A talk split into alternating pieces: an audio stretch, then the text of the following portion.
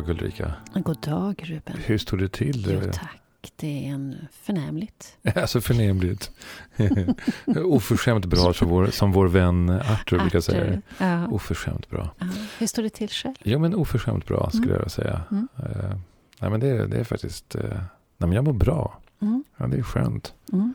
Jag ska ta, ta tillvara på den. Verkligen. Ja. Samtidigt skulle det varit väldigt mycket mer intressant om du sagt det är svårt nu. Nej. Alltså, är vi inte över den tiden nu när det ska vara det mest intressanta?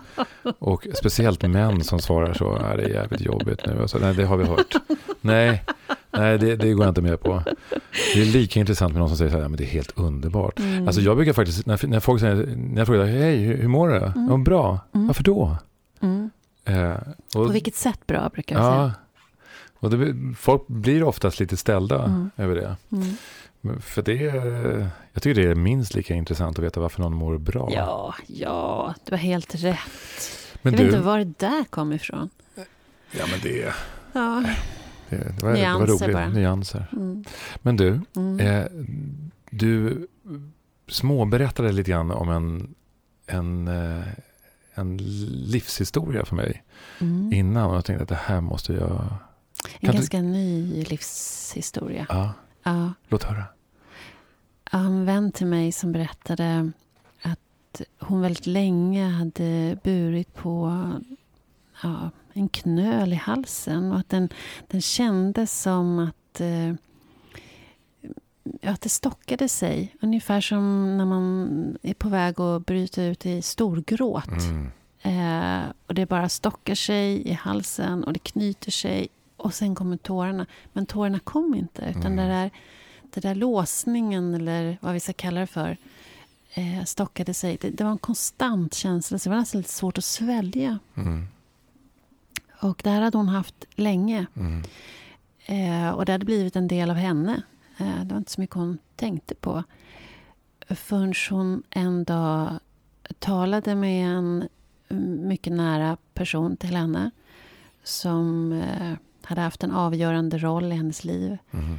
Och där hon berättade om sin smärta och det hon bar på och hennes sorg. Mm. Och hur hon i det här samtalet blev helt sedd mm. och hörd. Och att hon fick vara i ett rum där hon fick ta plats med sin, sin sorg mm. som hon bar på.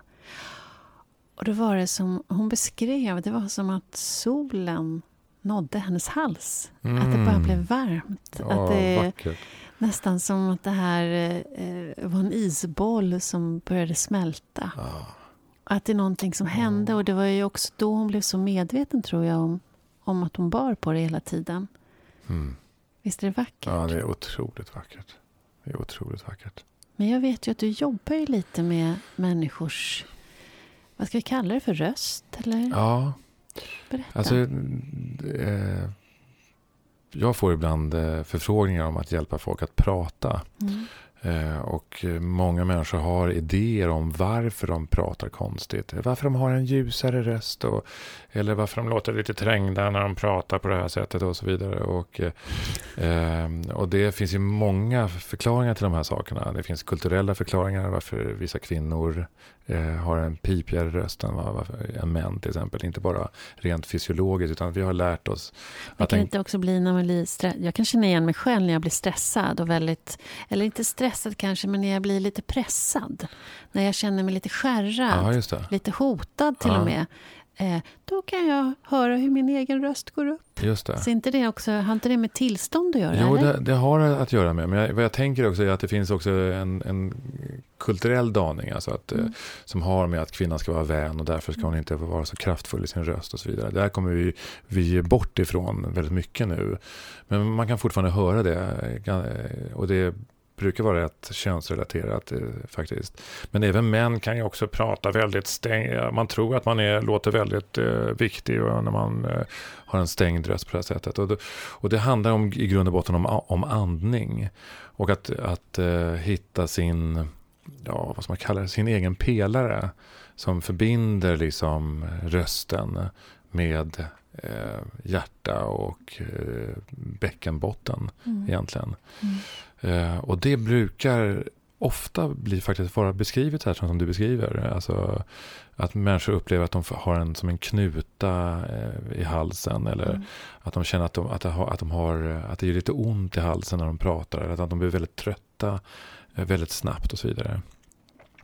I grund och botten så handlar det om att man måste komma i kontakt med sin andning. Eh, men Och vad sen- kan man göra för övning då till exempel bara? Ja, alltså det finns massor, men alltså en väldigt bra sak Mm. och som de flesta av oss är, och det här handlar inte om bra eller dåligt alls, men det är att sjunga. Sjung.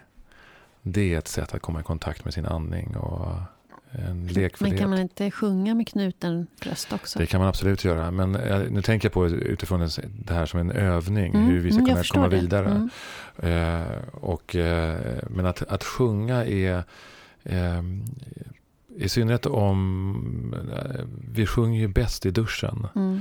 Därför då, då tror vi att ingen annan hör. Mm. Då sjunger vi för oss själva. Vi Mm. är i kontakt på något sätt Mm. med någonting också. Och så finns det någonting faktiskt med att vi är lite nakna där, Mm. oftast i duschen. Eh, eh, som också gör att, att, att det blir en annan sorts eh, kontakt med eh, hela kroppen. Mm. Eh, men så jag, jag känner faktiskt igen den här historien från Du har hört den förr? Ja, inte just din historia. Mm, eh, men men, liknande. men liknande just att, att man går och bär på en frusen gråt Mm. som har suttit där väldigt länge. Och, Mm. eh, och eh, ja, som man på ett, på ett, med metaövningar som inte behöver handla om just den problematiken. Mm. Så, så kan man komma åt det här genom att man kommer i kontakt med sin egen kropp. Mm. Så att, ja.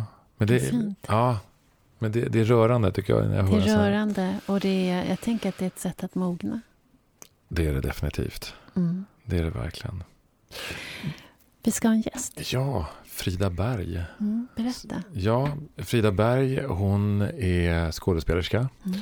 Hon är regissör, hon är yogalärare. Mm. Eh, och eh, jag hade ynnesten att få jobba med henne i somras för ett år sedan med Mm. min vän Fascisten. Som är en helskriven, eller helkomponerad eh, föreställning. Alltså vi sjunger allting, apropå sång. Mm. Eh, och som också handlar egentligen om en man som, eh, en slags sagofigur som kommer från en öde ö in i våran verklighet. Egentligen till barnen i Bullerbyn som har vuxit upp. Dit kommer han och får möta på sin verklighet. Och med den föreställningen så jobbade jag med Frida och eh, tyckte att hon var en väldigt intressant person. Mm. Och därför bjöd vi hit henne. Ja, hon kom till eh, mitt kontor här i centrala Stockholm där vi mötte henne. Är vi redo? Ja.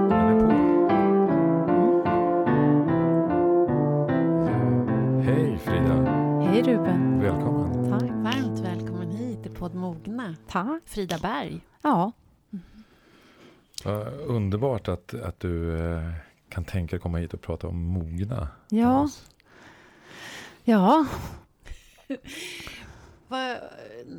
Den här podden handlar ju om att eh, ha olika perspektiv på vuxenutveckling egentligen. Så att Frida, jag tänker bara, har du mognat något den senaste tiden?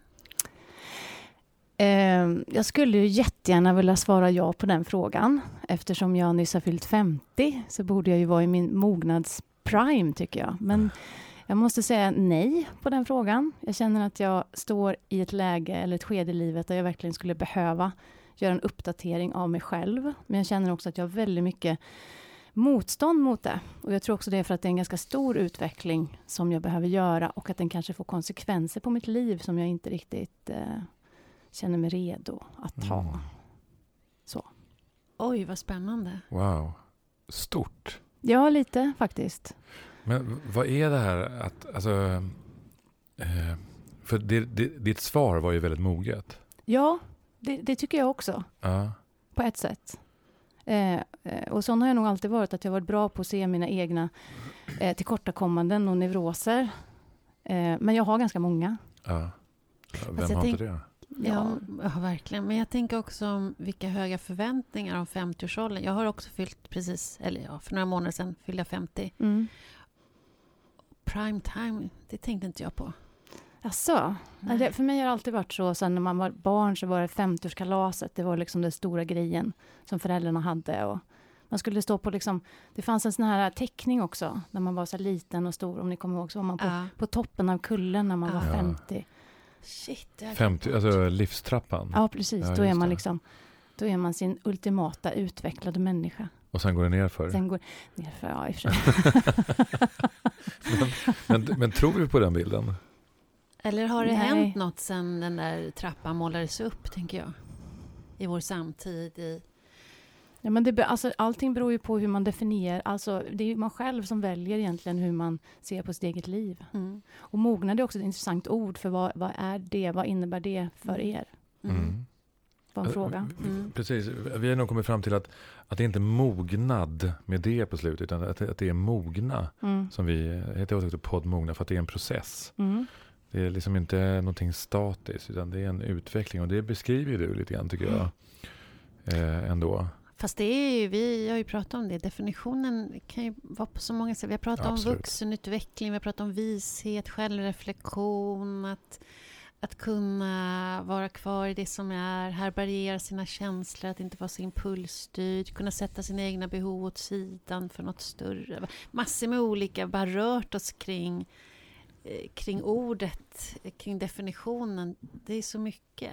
Men å andra sidan kan ju vissa behöva eh, göra tvärtom och ta sina behov på allvar, så det där är ju så... I allra högsta grad. Ja. Jag, eh, vad tänker du kring det och mogna? Nej, men jag tror att många, jag vet inte, det kanske är samma med män också, men, men kvinnor är väldigt många tror jag som, eller jag kan prata om mig själv då Mm. helt enkelt. Jag tycker att när jag blev mamma så var det ganska skönt. För då kunde jag bry mig om dem mer än mig själv och det passade mig ganska bra. För jag, jag är ganska svårtillfredsställd har jag märkt. Eh, och då är det lättare att tänka på att de här familjen ska ha det bra. Mm. Men nu när de inte behöver mig på samma sätt, då är jag liksom tillbaka på samma plats Mm. som jag var innan jag blev mamma. Mm. Och då behöver jag titta på mig själv. Vad, vad vill jag? Vad tycker jag om? Vad behöver jag? Och det, är jag, det vet jag inte. Mm. Och det tror jag ganska många kvinnor kan... Verkligen. Ja. Jag, jag är ju med, eller jag har själv suttit i, i en sån situation när jag var hos min terapeut för en, väl tio år sedan. Och då skulle man rita in på en karta så här, hur, hur eh, bekväm man var med, med sina vänner, med sin kärleksrelation, med sina fritidsintressen och sin kropp och vad det nu var. Så här. Och så såg jag fritidsintressen och jag bara, vad fan är det?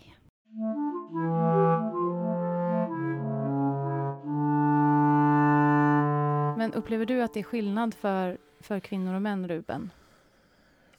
Eh, alltså jag, kan, alltså, jag hör ju vad du säger. Mm. Eh, alltså, på ett sätt så är det så att det är nog skillnad. Mm. Eh, som bland annat bygger liksom på eh, de, tra- alltså de traditionella roller som vi fortfarande trots allt lever efter lite grann. Jag tror att, eh, att, att mammor, i och med att du nämnde det, eh, eh, eventuellt generellt eh, tänker mera på familjen i första hand och att män fortfarande har idén om att man ska göra karriär och att det går, även vad som också säkert idag är, är, är en stor skillnad mot våra föräldrar till exempel. Men jag, jag tänker ändå, liksom, om, man, om man tänker utanför eh, eh, könsrollerna, utan om man tänker på oss generellt som människor, så tänker jag att, att idén om vilket behov vi har, eller att, att, att respektera sig själv för vad är det jag behöver, det tror jag är, är lika för män såväl som för kvinnor. Fast jag tänker, det du beskriver det här att man lägger sina behov åt sidan eh, och till slut inte ens är i kontakt med dem. Mm.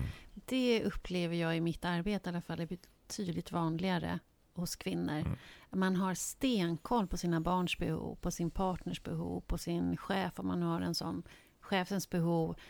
Men man har liksom tappat kontakten med sig själv och sina egna behov. Så man har blivit utifrån styrd. Man springer på andras bollar och till slut så håller man inte...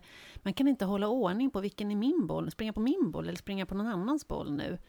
Det tror jag är faktiskt en del som kvinnor som grupp får kämpa mer med än gruppen män. Men jag vet ja. inte, det är bara en iakttagelse. Ja, det, det, det, tror jag också. Alltså, men då tänker jag att vi, att vi fortfarande är kvar i, i, eh, alltså, i könsroller. Mm. Men om man tänker på ett, ett, utifrån ett, ett generellt mänskligt behov så är det rätt viktigt att, att, att du, jag, han, hon, att man tittar på vad, är, vad har jag för behov. Mm. Att, jag, att jaget, att det inte handlar inte om egoism när man tillfredsställer sitt, vad jag har för behov. Mm. Utan det är en del av att, att, att tillvaron ska vara bra. Mm. Men du Frida har upptäckt nu att du, du behöver ta hand om dina behov. Ja, jag är så illa tvungen för barnen är inte så intresserade längre. Och det är ju bra. Mm. mm. Det innebär ju att jag har uppfostrat dem väl. Mm. Och jag är jätteglad. Och, eh, det är det bästa som har hänt mig såklart, att vara mamma. Mm. Och det har varit fantastiskt att få slippa mig själv mm. ett antal år. Hur gamla är dina barn? Eh, jag har två som är 13 och en som är 20, 19. Mm. Ja, de är fortfarande... Ja, jo, men så är det ju. Men de, de är inte liksom behjälpta av Nej. att jag håller på på det där sättet längre. Utan jag tror att de snarare behöver en bra förebild.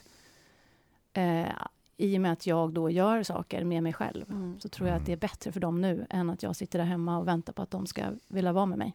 Eh, när jag och du träffades, Ruben, mm. så, så det var ju för ett år sedan ungefär.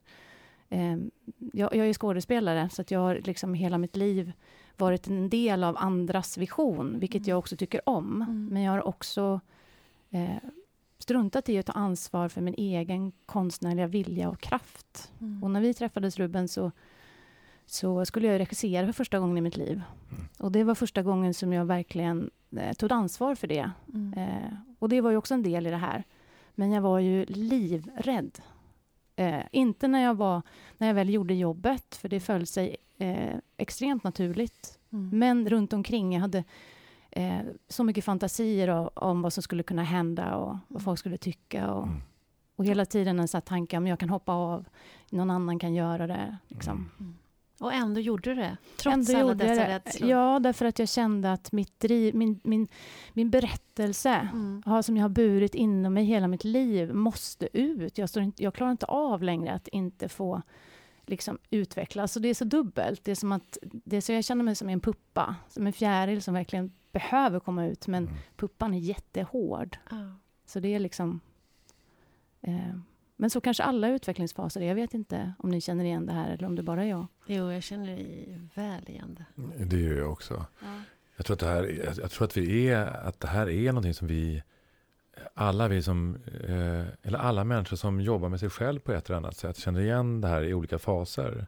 Det intressanta var, tycker jag, var ditt svar det här att du kände att du inte mognar just nu. Eh, utan det är någon, du befinner dig i något något annat läge. Liksom. En regression kanske, lite grann. Alltså det är det jag känner på något sätt, att jag, jag forcerar de här äh, skalet och sen mm. regregerar jag. Mm, så två steg fram och ett steg tillbaka? Ja, precis. Så hela tiden. Ja. Men är inte det väldigt intelligent att göra så? Varför det? Ja, för du, är, du värnar om dig själv. Att du, det kanske, du kanske inte är färdig, du kanske inte är mogen fjäril ännu. Eh, du kanske behöver vårda den här tiden lite grann och när du känner att nu är det läge, då kommer det. Bra sagt. Jag har inte tänkt så, men så kanske det är. Ja. Så tänker jag också. Ja. Att det handlar det här att ta två steg fram och ett steg tillbaka. Det handlar om att ladda energi. Och till slut så blir frustrationen, energin så stark ja. som man flyger. Ja. Att det är lite av uppla uppladdningen som, som pågår. Ja.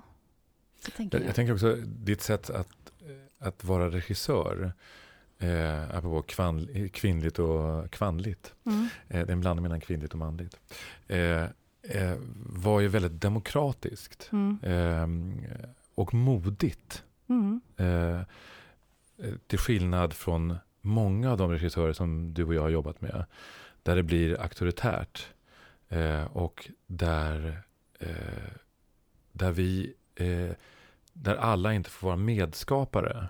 Men i den processen som vi hade i Min vän fascisten, då eh, var det ju väldigt demokratiskt.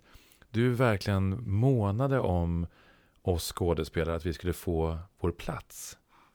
Eh, och det tänker jag, eh, det är väldigt moget, tycker jag. Och moget, modigt moget, tycker jag att det är. Att, att kunna eh, bjuda in eh, folks kreativitet. Och sen även så småningom, så, nej, men ibland så sa du så här, nej men nu bestämmer jag. Och det var helt rätt. Därför att det, det handlar inte om konsensus.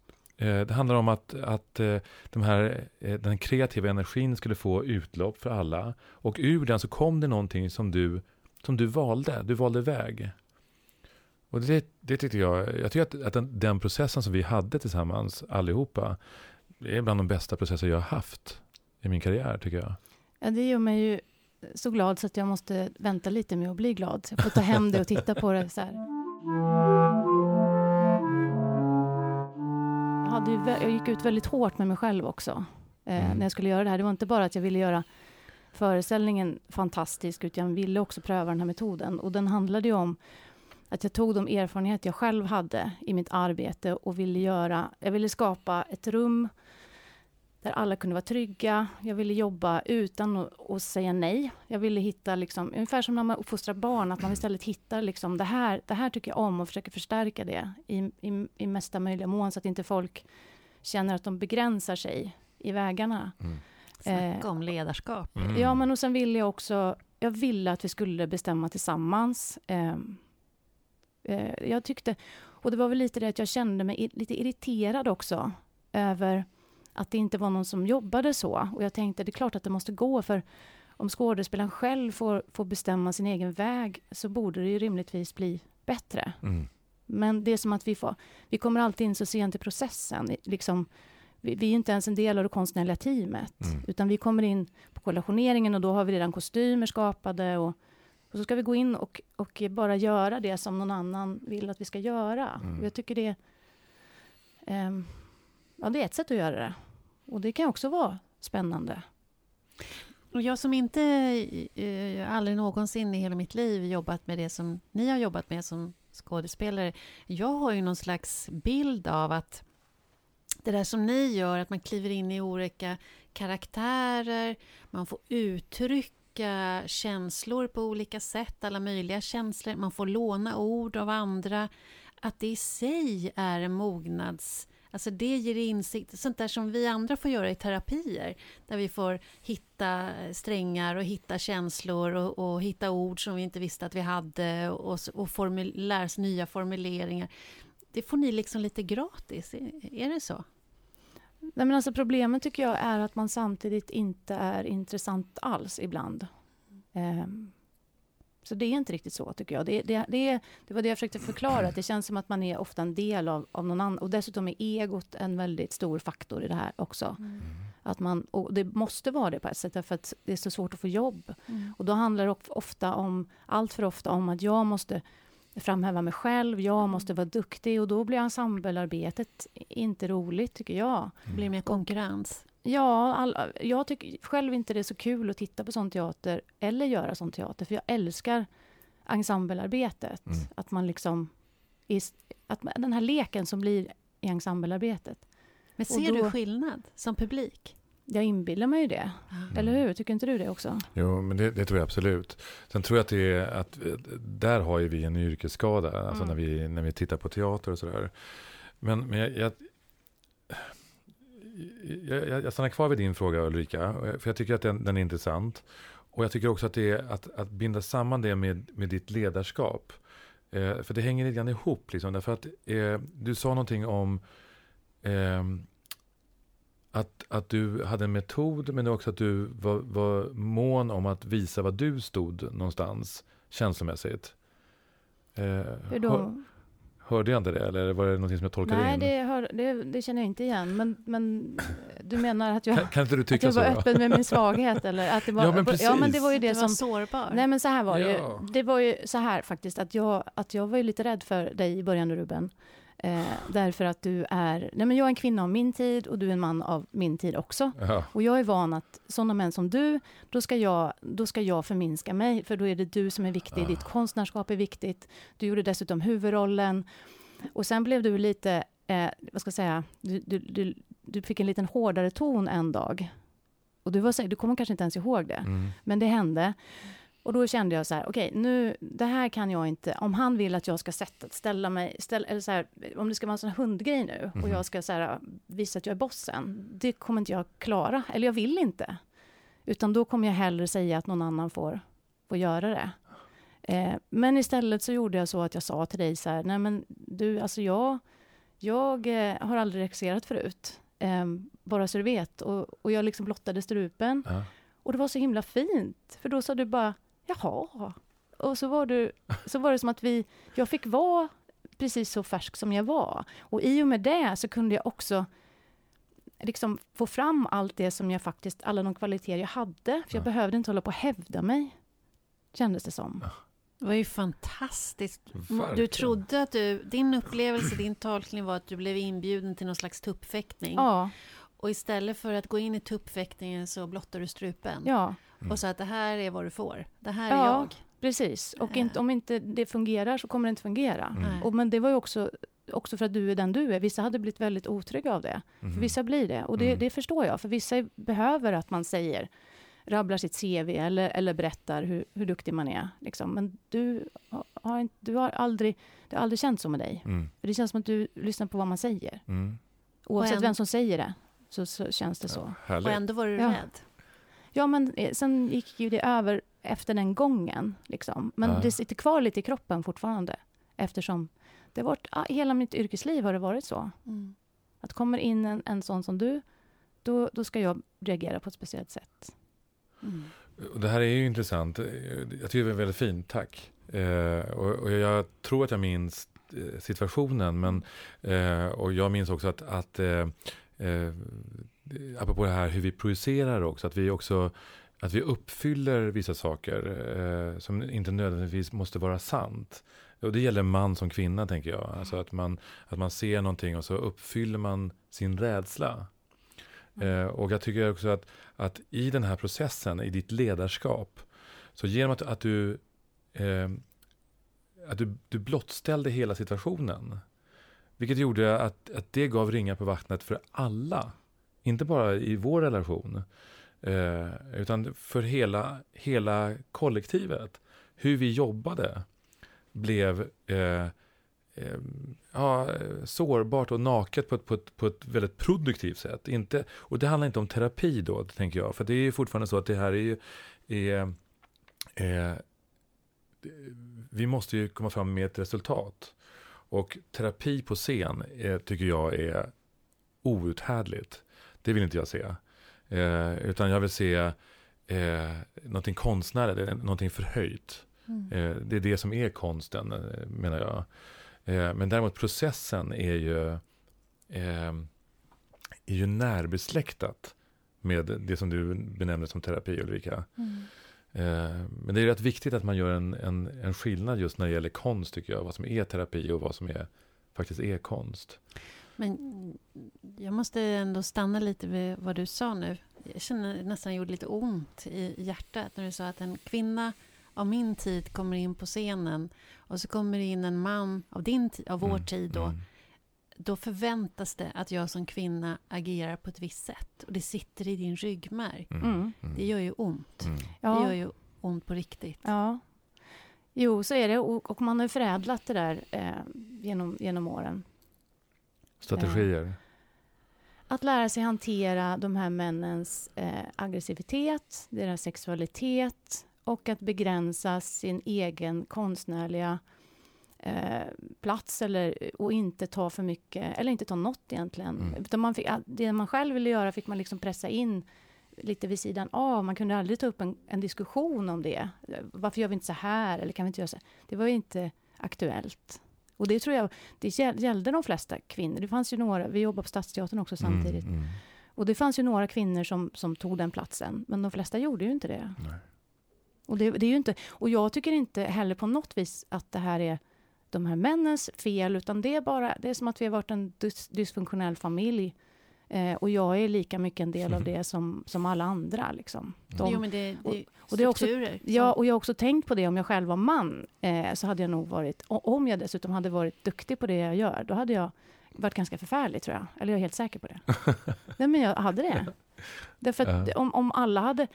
Jag, har- jag har också en massa oro och, och rädslor, men de, jag får inte ta ut dem på det sättet som männen. Det är inget, då hade inte jag fått ett enda jobb. Mm. Men det är klart att jag hade gjort det om jag hade fått. Och hållit på och skrikit och bråkat och Mm. folk tog hand om mig. Och, det har varit jätteskönt. Mm.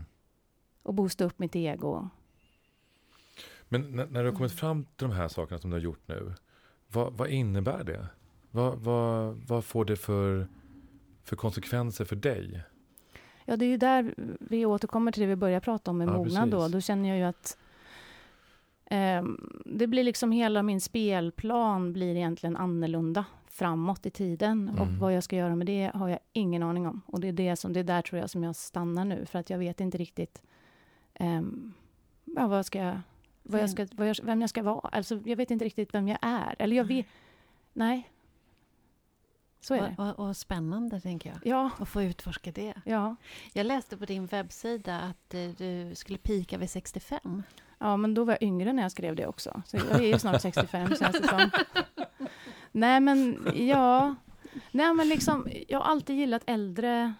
Det finns någonting med äldre, men det är också handlar lite grann om det här med egot. Vilket också var en del av det här, tror jag, när vi i vår process, att våra egon försvann ganska mycket. Mm. Och då blir det så liksom fantastiskt, eh, tycker jag. Mm. Och det är lite grann, tycker jag, ibland med äldre skådespelare, att de, de, de har inte så mycket ego. Och de har bara all den här erfarenheten. Eh, Så är det inte alls alltid, men... men Definitivt Mm, inte. nej, jag vet. Men var jag-. Jag är också kär i, i tanter. Ja, Jag nej, älskar det kanske var, tanter. nej, men egot har kanske... Jag, jag tar tillbaka det, det var nog inte så. Men så här då. En, nej, men så här, ett barn som står på scenen och en äldre, det här måste du ändå hålla med om. Ja. Så kan det ibland hända att de gör ingenting. Ja. Det kan du ändå hålla Ja, med om. ja. Och, och det är så här, när man är ung så är man ofta väldigt hungrig. Yes. Väldigt mycket energi, man måste bevisa Absolut. mycket. Och det är just det där att få vara kvar så länge, att man kan behärska yrket så bra. Eh, och också att lära sig av de unga på något sätt. Mm. Och att lära ut. Det hade varit kul att vara kvar så länge, tycker jag, Mm. på något vis. Och jag tänker att det där är väl en del av att växa också. Att, det där, att ibland vara ledaren och ibland vara följaren. Och att Ja. jag, jag kan växla. Och att man kan växeldra med varandra. Att det inte spelar någon roll vem, vem det är. Utan det handlar om den som just, just där och då passar bäst. Har, har bäst kompetens för det som ska göras nu. Och så Ja. turas vi om. Ja, jag håller med. Och det var ju också lite så det blev i vår process ju. Eftersom vi hade flera som var lämpliga som koreografer till exempel. Och då var det ju så fint för att man lät det där ta tid. Så mognade det fram vilka, för man, då blev det jättefint för då, då blev det, numren blev olika. Eh, men det blev också rätt koreograf till rätt nummer. Mm. Därför att man vågade vänta ut och se liksom vad, eller hur? Mm. Och att det gavs plats Ja. för allas kompetens. Ja, Även fast det, att det såg, alltså processerna eh, ibland såg väldigt olika ut. mm. Så var det så här, ja ah, men nu är det den här personens tur. Och det, det var otroligt fint. Mm. Det låter som en orkester. Ja. Ja, men det, det, alltså den är också skriven som, som så, alltså det verket. Det är liksom en ensemble som är som en orkester. Mhm. Och så är det en stor huvudroll som är Rubens. Mm. Så är det ju. Det är ju som två spelare liksom. ja. Och allting sjungs. Det finns inga Mm. talade repliker. Ja. Men sen hade jag också en, en vision att vi inte skulle ha några konflikter. Och det löste vi också. Vi hade inte många i alla fall. Eller konflikter, men inte bråk. Nej, Hade inte. inte. Och, och Mm. det, här- det är det jag menade också det här med när jag sa att, att ditt ledarskap inte var demokratiskt. Men det betyder inte att det alltid måste vara konsensus om varenda jävla beslut. Utan ibland så sa du, nej men nu bestämmer jag.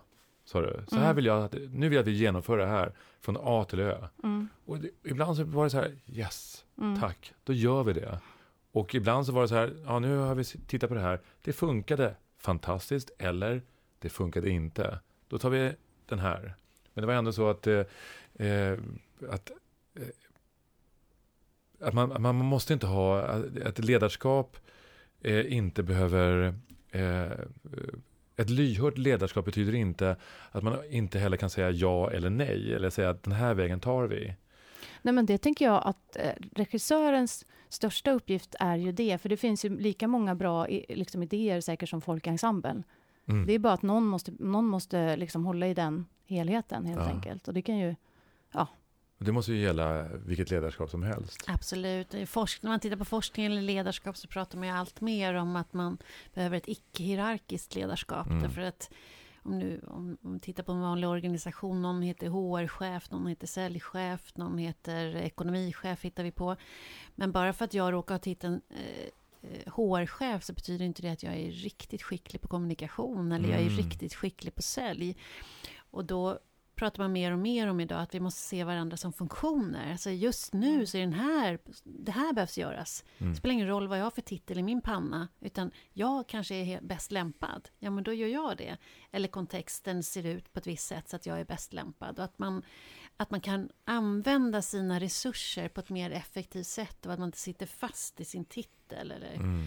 sitt kön eller sin eh, roll eller vad det nu kan vara för någonting. Utan att, absolut. Men det ska bli spännande. Det är intressant tycker jag också när vi pratar om det här med manligt och kvinnligt. För det är ju, det är ju liksom det är ju verkligen, jag vet inte hur det kommer bli om, om 30 år, om folk kommer prata på det här sättet. Det kanske de inte kommer. Mm. Det känns ju som att det är massa... Men man ska inte heller liksom låtsas att det inte är så fortfarande, för det är det ju. Vi, vi har ju inte hunnit ändra oss än. Nej. Liksom, I alla fall inte vår generation. Och men, sen visar forskningen också att vi faktiskt backar nu. Är det så? Det visste ja. jag inte. Ja, när det gäller, om man tittar till exempel, eller studierna, vi tittar på antal kvinnor på börs, som är vd för börsnoterade bolag, det är ju färre nu. Mm -hmm. Om vi tittar på kvinnor som är ordförande för kommuner, så är det färre nu. Så att det är, just nu backar det. Och det är ju typiskt med kristider, som pandemin, att det blir kriser. Då går vi tillbaka till gamla strukturer.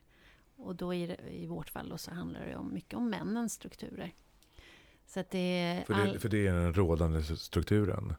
Fortfarande. Ja, andra precis. är nytt. Man, ja. man, utforskar och prövar Just nya det. strukturer och så.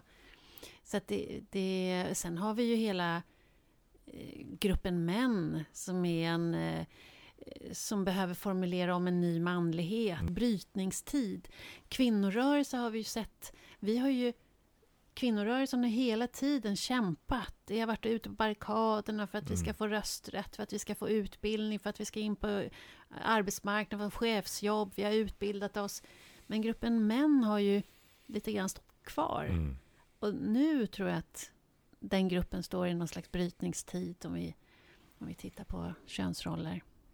Så tänker jag i alla fall. Jag håller så mycket med dig och jag skulle gärna vilja göra liksom en en, en föreställning om det eller ett workshoppande kring det. För mm. Jag tycker också, i och med metoo och allt det här, att det är som att man har nöjt sig med att skamma männen och sagt att det här är fel. Ja, men då är vi överens om det. Men, men för det första, varför? Alltså jag, för, det är så mycket, jag tycker för mig så är det alltid liksom jag läker genom att förstå. Mm. Och jag, jag förstår inte. Och det finns heller ingen som, som är ärlig, känns det som. Och då, för att de vågar väl inte. Därför att det är så mycket skam som läggs på mm. förmodar jag. Det var därför jag ville skriva boken Manlighetskoden. Mm. Just för att möta män och prata om det. Ja. Hur bryter man mot de här machonormerna? Vad händer med en? Det finns ju undersökningar som visar att män som till exempel i arbetslivet visar sårbarhet eller som under en period prioriterar familjen framför karriären, de straffas mycket ja. hårdare än kvinnor gör. Och har man då, det finns en undersökning bara från SCB e för något år sedan som visar att en av fem män har inte en enda nära vän. Mm. Så har man då identifierat med sitt yrke och om man då gör avsteg med att visa sig lite svag eller okunnig eller nybörjare eller att man vill prioritera sina barn om man då straffas då från den enda roll som man känner sig riktigt trygg med, att man, mm. blir, att man puttats ut då, då förstår man att det finns en enorm kraft att hänga kvar vid gamla strukturer. Mm. Så det finns så mycket dubbla konflikter i i det här som man också måste se hur, hur män som försöker förändra de här strukturerna och, och gestalta andra former av manlighet också straffas. Ja, och jag tycker också att det har funnits ett extremt destruktivt manlighetsideal som även är destruktivt för de männen som, som är det, mm. eller vad man ska säga. Det, det, det är dåligt för alla. Mm. Och det är väl dit det känns som att vi behöver komma, att inse att det här är liksom en förlust för alla. Mm. Men att komma bortom skammandet på något Precis. vis och, och, se, alltså på, alltså se på riktigt vad, vad, vad, vad innebär det att vara, att vara... För det har vi pratat ganska mycket om. Vad innebär det att vara född till kvinna. Mm. Och liksom Mm. vi har gråtit över det, över det som, som vi har fått bära, som, som kanske vi inte trivs med. Men det har liksom aldrig jag har hört att ni får göra, utan det, det förväntas bara att ni ska, ni har fått alla plus, plussen liksom. Så ni ska Mm. bara vara jävligt nöjda för att ni har fått den rollen. Och, och så är det ju inte. Verkligen Och, och, fram, och inte för alla framför allt. Vissa känner sig säkert jätteinstängda. Mm. Mm. Och nu dessutom är den extremt otydlig. Och det Mm. tyckte jag också efter metoo var intressant för att vissa män försökte ju gå ut och liksom heja på eller, och det kändes som vad de än gjorde så blev det fel. Mm.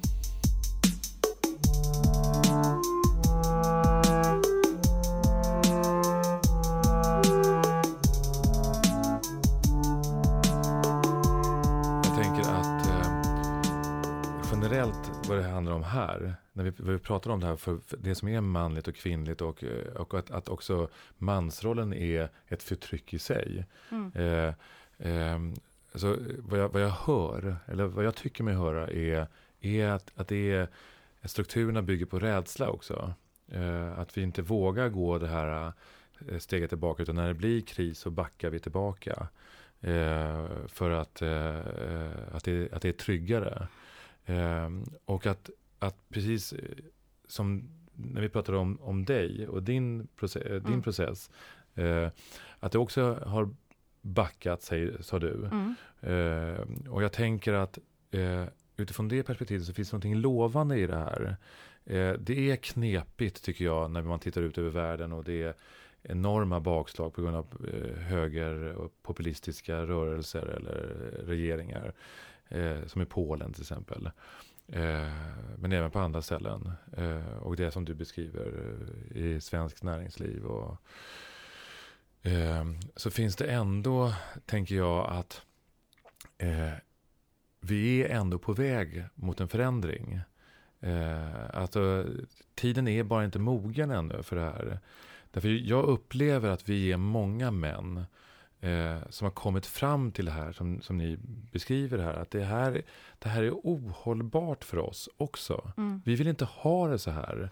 Eh, vi som är män av den, här, av den här tiden, vi har ju gjort våra absoluta misstag eh, i förhållande till alltså, könsordningen. Och idag så ser vi liksom att nej men det här går ju inte, så här kan vi inte ha det. Eh, och det viktiga tycker jag är, är på något sätt att, att vi tittar, det här är en mänsklig fråga. Det handlar om mänsklighetens överlevnad. Men det är svårt tycker jag att säga någonting om kvinnor. Alltså det är samma sak som när eh, jag, jag kan lyssna med respekt och för, höra din, er erfarenhet. Eh, och jag kan eh, sätta mig in i hur du skulle kunna vara. Men jag har inte upplevt att vara i en kvinnas kropp. Eh, jag, har, jag har andra erfarenheter som jag kan relatera till. Som handlar om förtryck.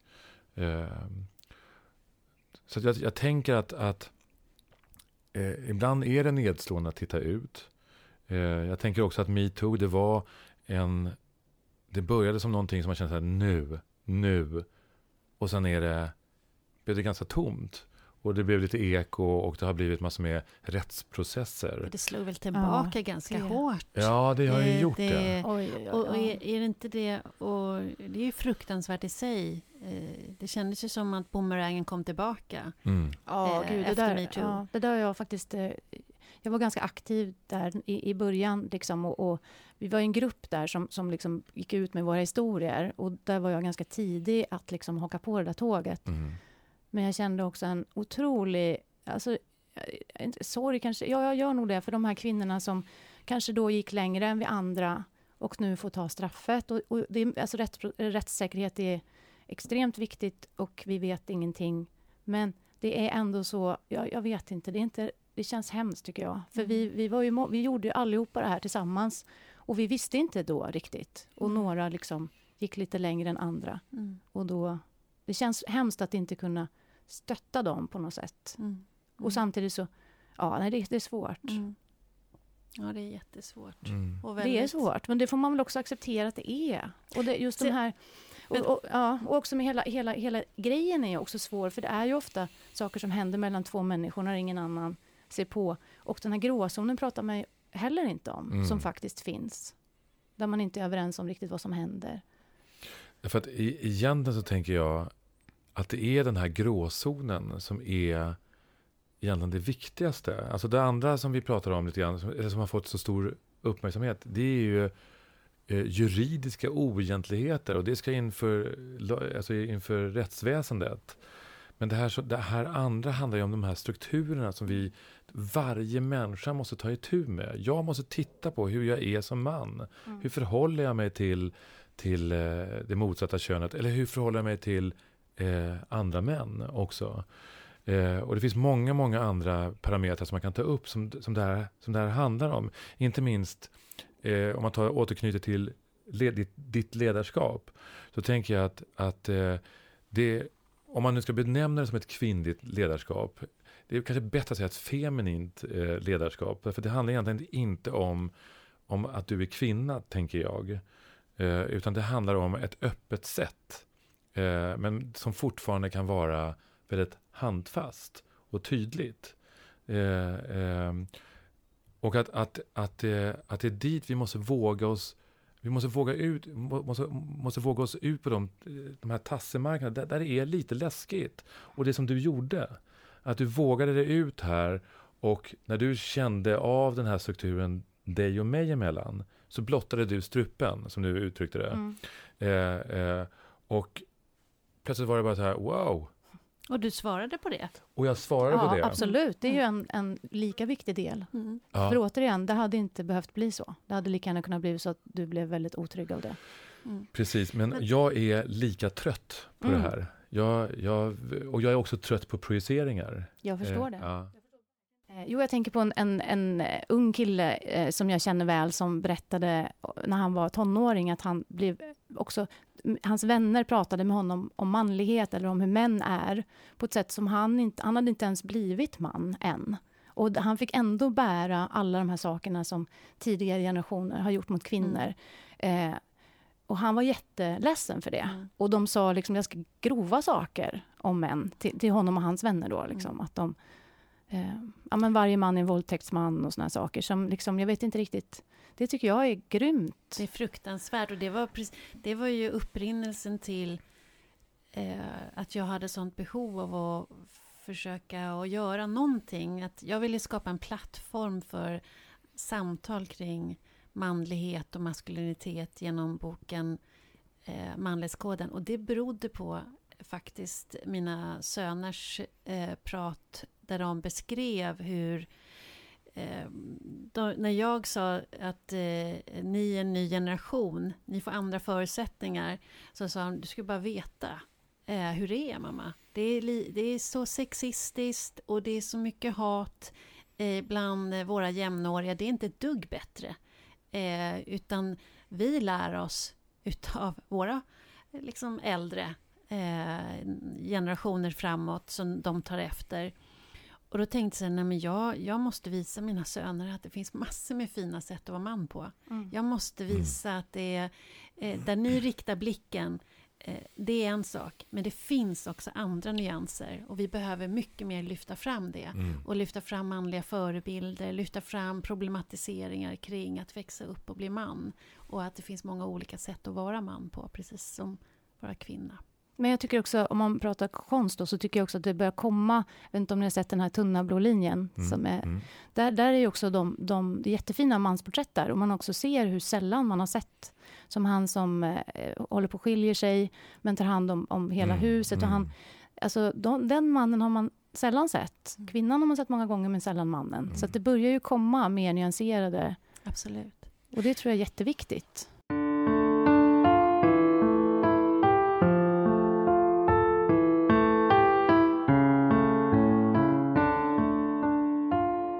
Jag tänker på dig och hur de här... Nu har vi pratat mycket om strukturer och könsstrukturer och, och eh, du beskrev hur det har varit för dig i ditt yrkesverksamma liv att, att kliva upp på scen och så kommer en, som en man i din generation och vad det gör. Vad har, att växa upp och bli 50 i de här strukturerna, vad har det gjort med dig, tror du, din utveckling som människa? Eh, Oj, vilken svår fråga. Nej, men det, det, är väl så att det har blivit som en del av mig att förminska mig. Mm. Och det är väl precis, om vi återknyter till där vi började, så känner jag att eh, det är så i vägen för mig nu. Mm. Eh, men det är så som jag har levt mitt liv. Mm. Det är det som har liksom... Jag skulle vara smidig, lätt att jobba med. Det var liksom... Mm.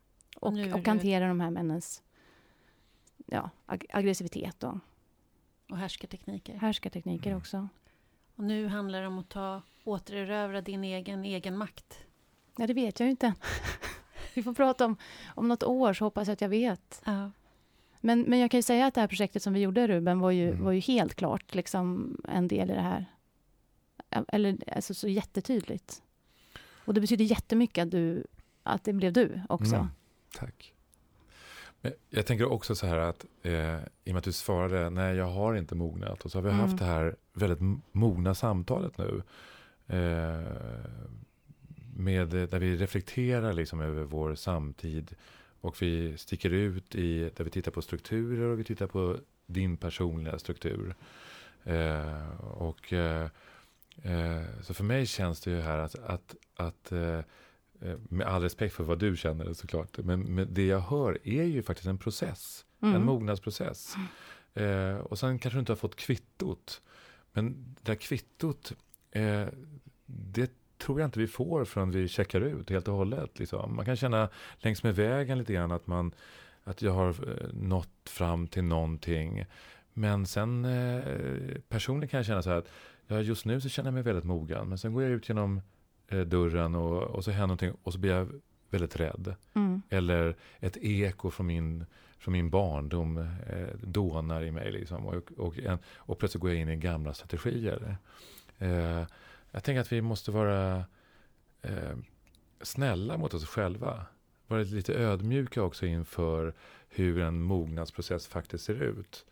Eh, och det du har beskrivit här och det du gjorde med ditt ledarskap det tycker jag var... Ja, det tycker jag är strålande. Och det, det tycker jag du ska ta. Jag ska göra det. Jag ska lyssna Äga. på den här podden och sen ska jag... Ja, men jag ska verkligen göra det. Men jag, ska, jag, jag, kan inte göra det nu, för jag blir så generad. Ja, eh, ja du hör ju själv. Det är ja. omoget av mig. Jag borde säga, tack Ruben, vad härligt att du känner så. Det har du rätt i. Ja, det har du rätt i. Jag, jag känner själv... Nej, vad ska man säga? Nej, men det, det hade varit förskräckligt om, om du hade gjort det. För jag, jag tänker så här att... Va? att nej, men, jo, därför att om man, om man säger tack Ruben, det, det var väldigt fint att du sa så. Det hade inte varit eh, ärligt. Utan vad jag menar är... Men om det hade varit Om det hade varit ja. så. Jag, men nu ja, men jag hade tyckt att det hade varit superhärligt om det sagt Ja, tack Ruben. Jo, men det har du helt rätt i. Att det... Ja, men det... Ja, men kanske igen om ett år när vi bjuder in dig igen. Ja. Eh, Fast det är konstigt att säga att det skulle varit förskräckligt. Nej, men okej, okay, förlåt. Men det var att du tyckte oärligt var Nej, men jag tänkte, jag tänkte mera att det handlade om eh, att, att, att, du visar respekt för dig själv. Du säger att ja, jag ska lyssna på den här podden och känna om det är det jag känner. När, när, när du hör det här. Därför det är också det att man får en, en vi, ska, vi ska reagera så snabbt. Eh, mm. Eh, mm. Men du kanske behöver bara, man behöver, ibland behöver vi det här att det är, en, det, är en, det, är en, det är en intelligent strategi kan jag tycka. Fast ibland tänker jag, det här som du beskriver nu, att man att du kan känna igen dig, att du då och då hamnar i underlägsenhet. Eh, vilket jag också har gjort många gånger som kvinna och i olika, jobbat mycket i mansdominerade branscher och sådär. Och jag bestämde mig någonstans längs vägen att nu är det nog. Mm. Mm. Så när de här situationerna uppstod så kände jag mig precis lika underlägsen. Men jag spelade en roll. Mm. Jag klev fram. Jag klev fram, jag mötte blicken, jag liksom bredde benen och rak i ryggen och lite sänkte rösten lite. Och så eh, satte jag väldigt tydliga gränser. Mm. Och det var ju inte för att jag kände mig modig och stark. Och ibland tänker jag, eh, oärligt eller inte, men ibland så behöver man känna en sak, men man bestämmer sig att man har en strategi. Och så övar man tills man är där. Nu, mm. känner, nu går det helt naturligt för mig. Mm. Det är klart att jag... Det är klart att jag hamnar i situationer där jag känner att jag blir underlägsen eller hamnar i underläge. Men de är ju väldigt mycket färre idag än vad de var för tio år sedan. Mm. Så att jag tänker att man behöver inte vara oärlig för att man övar på att agera på ett annat sätt.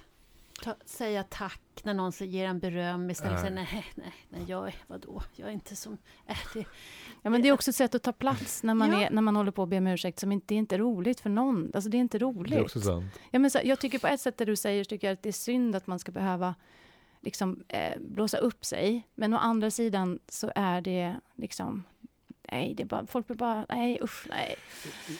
Jag använder för starka ord som oärlighet och förskräcklighet, men det var, det var ju egentligen det här lite jag menade också, att det finns men det är också olika sätt, olika strategier man kan ha. Man kan ju göra det som du gjorde Ulrika, att man klär sig i en roll. Det där klär, känner ju vi till som skådespelare. Oh ja. Och du, det du beskrev var ju på något sätt en repetitionsperiod för att vara i en viss roll. Att man övar på att vara på ett, på ett visst sätt. Liksom. Och det, men det finns ju också det här att man, att jag tänker att det, man kan, man, det är inte alltid så att man måste ge svar. Eh, utan det kan vara att man, man tar in det där och känner wow, det där betyder någonting för mig. Jag återkommer. Mm. Eller, det finns också någonting i det. Absolut. Eh.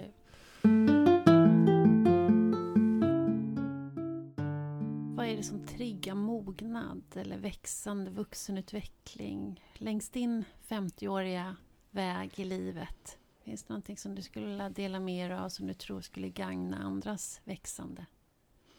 Mm. Att vara nyfiken kanske. Mm. Försöka vara nyfiken så till den milda grad att rädslan släpper. Mm. mm. På vad som kan hända om man faktiskt vågar förändra sig lite grann. Mm. För att det är ju så liksom att man uppdaterar sig hela livet på något sätt. Och, och världen, alltså det, är det enda man faktiskt vet är ju att allting hela tiden förändras och världen runt omkring och man själv. Och att försöka liksom att ja, vara nyfiken på det helt enkelt. Vi ser fram emot en Frida Berg som eh, inte förminskar sig, som ikläder sig hela sin... Ja, herregud, det gör jag också. Tack för att du kom. Tack för att jag Tack. fick komma, vad spännande det var. Ja, verkligen. Ja. Väldigt fint att få lyssna på dig. Ja, och fint att få vara här. Tack. Mm. Tack.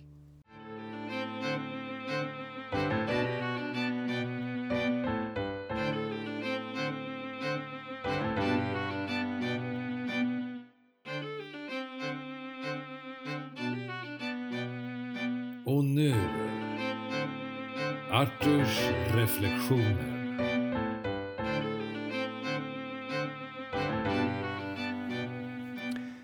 Efter att jag har lyssnat på Frida Berg så har jag en positiv och upprymd känsla i kroppen. Vad är det som får mig att känna så? Jag försöker undersöka vad det handlar om. Men det som kommer först är frispråkigheten och nakenheten kring livets utmaningar.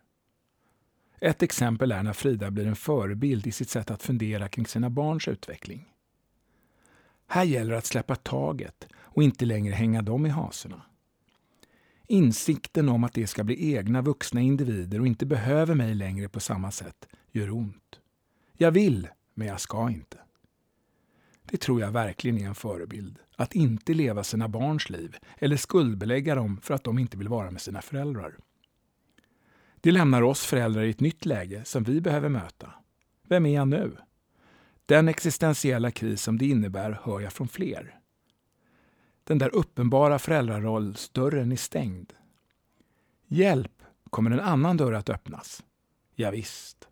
Kanske inte exakt när vi vill och kanske inte precis den dörr vi hade väntat oss. Ett annat exempel är att våga blotta strupen. Men det förutsätter en trygghet, tänker jag, för att göra det. Den tryggheten, självinsikten och mognaden behövs för att kunna vara en bra ledare. Det skapar förtroende och ansvar. Regissören i det här fallet får ensemblens respekt och gruppen upplever ett starkt, en stark gemensam kraft att vi ska lösa uppgiften.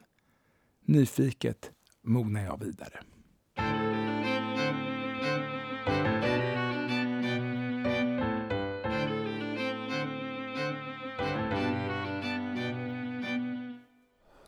Tack Artur.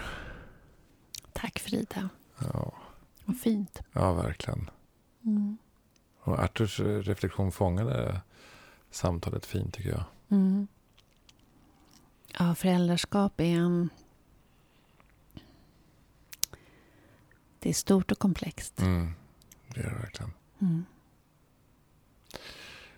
Ska vi eh, låta det här vara som det är? Ja, det här kan få klinga ut, tycker Mm. jag. Och få leva vidare hos våra lyssnare. Mm. Ja. Ska vi säga tack och hej då? Det tycker jag låter som en utmärkt idé. Mm. Tack och hej då. Hej då.